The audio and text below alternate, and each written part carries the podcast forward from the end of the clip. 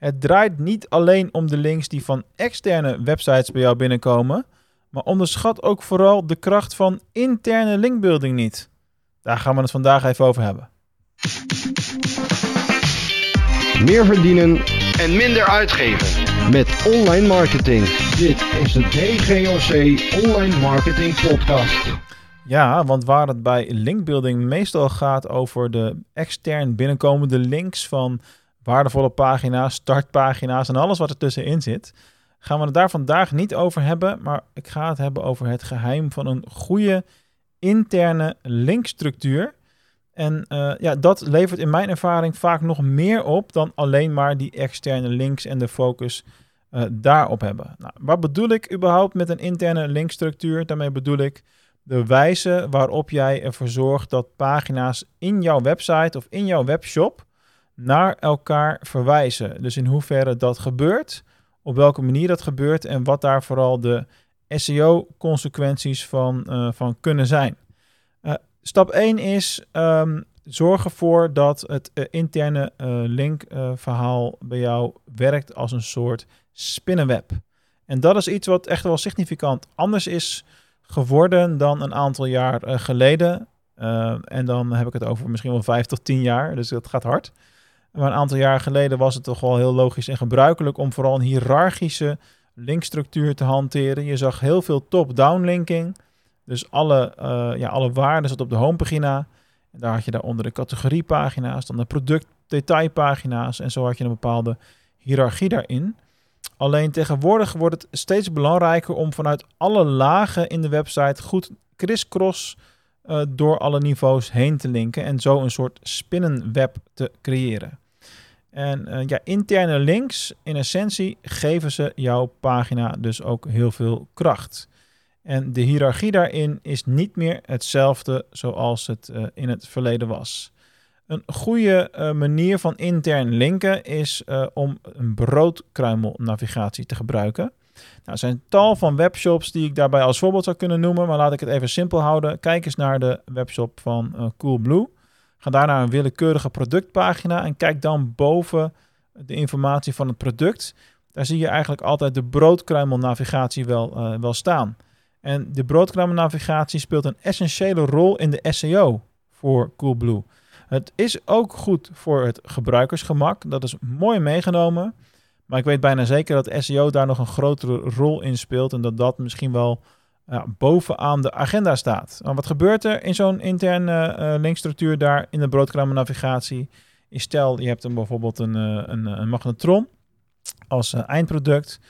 dan is bijvoorbeeld de hoofdcategorie is magnetrons. de subcategorie is zwarte magnetrons. En de sub-subcategorie is zwarte magnetrons met 800 watt. Ik noem maar wat. ik noem maar wat. Wat en wat. Heel grappig. Anyway, uh, en dan krijg je dus dat de categorie zwarte magnetrons wordt vanuit elke productpagina automatisch gelinkt. En het mooie is dan dat in die interne link de linktekst ook hetgene is waar je op kunt klikken. En die linktekst is hetgene wat hierbij uh, het essentiële stukje is. Want daarmee kun je uiteindelijk het, uh, het verschil maken.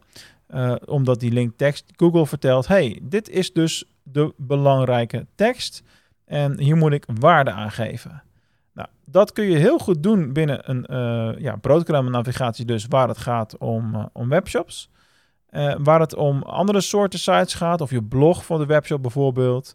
Ja, moet je het vaak in de tekst zelf doen. Dus ga in je teksten en je blogs en je verhalen op zoek naar de zoekwoorden. Of wanneer je een productnaam gebruikt, of wanneer je een categorienaam gebruikt. En leg vanuit de plaatsen in de teksten dan die interne links aan. En uh, dus het is echt zo dat je niet moet klik hier links aanmaken. Hè? Dat is echt geen goed idee. of lees verder, weet je wel, dat soort links. Allemaal hartstikke leuk en lijkt logisch. Maar voor je SEO doet het helemaal niks. En uiteindelijk is het natuurlijk de combinatie van dat gebruikersgemak en je vindbaarheid. Ja, dat is hetgene wat, wat essentieel is, zeg maar. Uh, voor onze eigen website, in dit geval dgoc.nl, maar ook voor uh, succes met e-commerce.nl, werken wij met Phoenix websites. en via het systeem wat daarin gebakken zit, eh, kunnen wij dit proces ook nog eens deels automatiseren. En dat is helemaal lekker. Dus als ik bijvoorbeeld zeg, nou, ik heb hier een podcast en eh, op het moment dat ik het woord podcast marketing ergens in een blog gebruik, dan moet dat automatisch een link geven naar een categoriepagina over podcast marketing artikelen bijvoorbeeld. Hè? En wat ik dan in Phoenix kan doen, is dat ik inderdaad het zo instel dat ik uh, kan ingeven van oké, uh, het zoekwoord is podcast marketing. Als je dat ergens in de site tegenkomt, de eerste keer dat het in de tekst staat, maak automatisch die link aan naar die andere pagina die ik daarvoor uh, ja, wil laden, die ik daarvoor belangrijk vind. Dus ik kan echt het interne linkproces automatiseren. En dat scheelt bakken met tijd. Want ook dingen die ik een jaar of twee jaar geleden als automatische interne link heb ingesteld, ja, daarvoor worden nu nog steeds automatisch nieuwe linken gecreëerd. Als wij een nieuw blog publiceren of een nieuw artikel in onze online marketing kennisbank of de e-commerce marketing kennisbank, uh, kan allebei.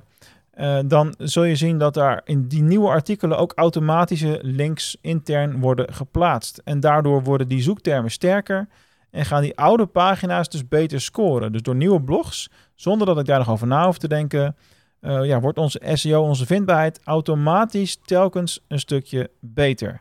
En dat scheelt gewoon gigantisch veel uh, tijd. Nou, nou weet ik dat er bij WordPress ook wel zulke plugins zullen bestaan die dat wellicht kunnen.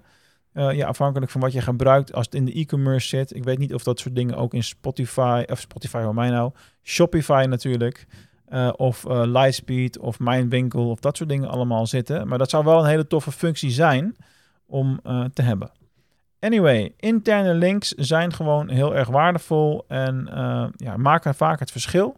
Zo hebben wij bijvoorbeeld een veertigtal artikelen in de categorie platform marketing staan op onze kennisbank. En uh, ja, daar zit dus zo'n broodkruimelnavigatie achter.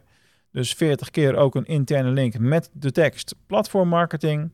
Ja, je raadt het al, op die zoekterm staan we stijf bovenaan. Dat is niet zo heel gek, want daar hebben wij ook gewoon heel veel content over geschreven.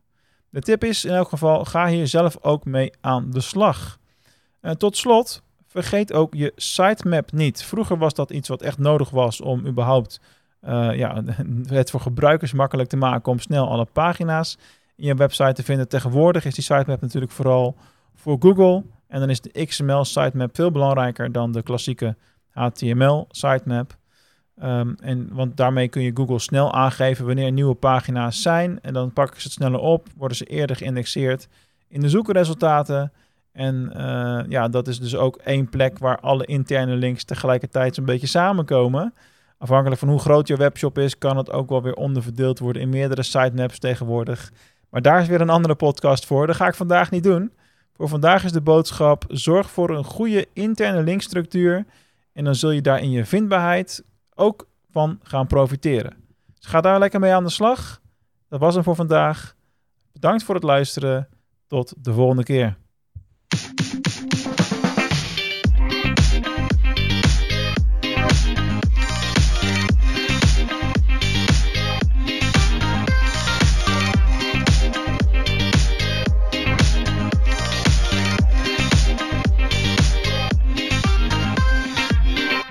Luister jij nog steeds naar de online marketing podcast via Apple Podcasts? Dan is dat uh, hartstikke leuk voor ons. Want daarin kun je namelijk een review plaatsen over deze podcast.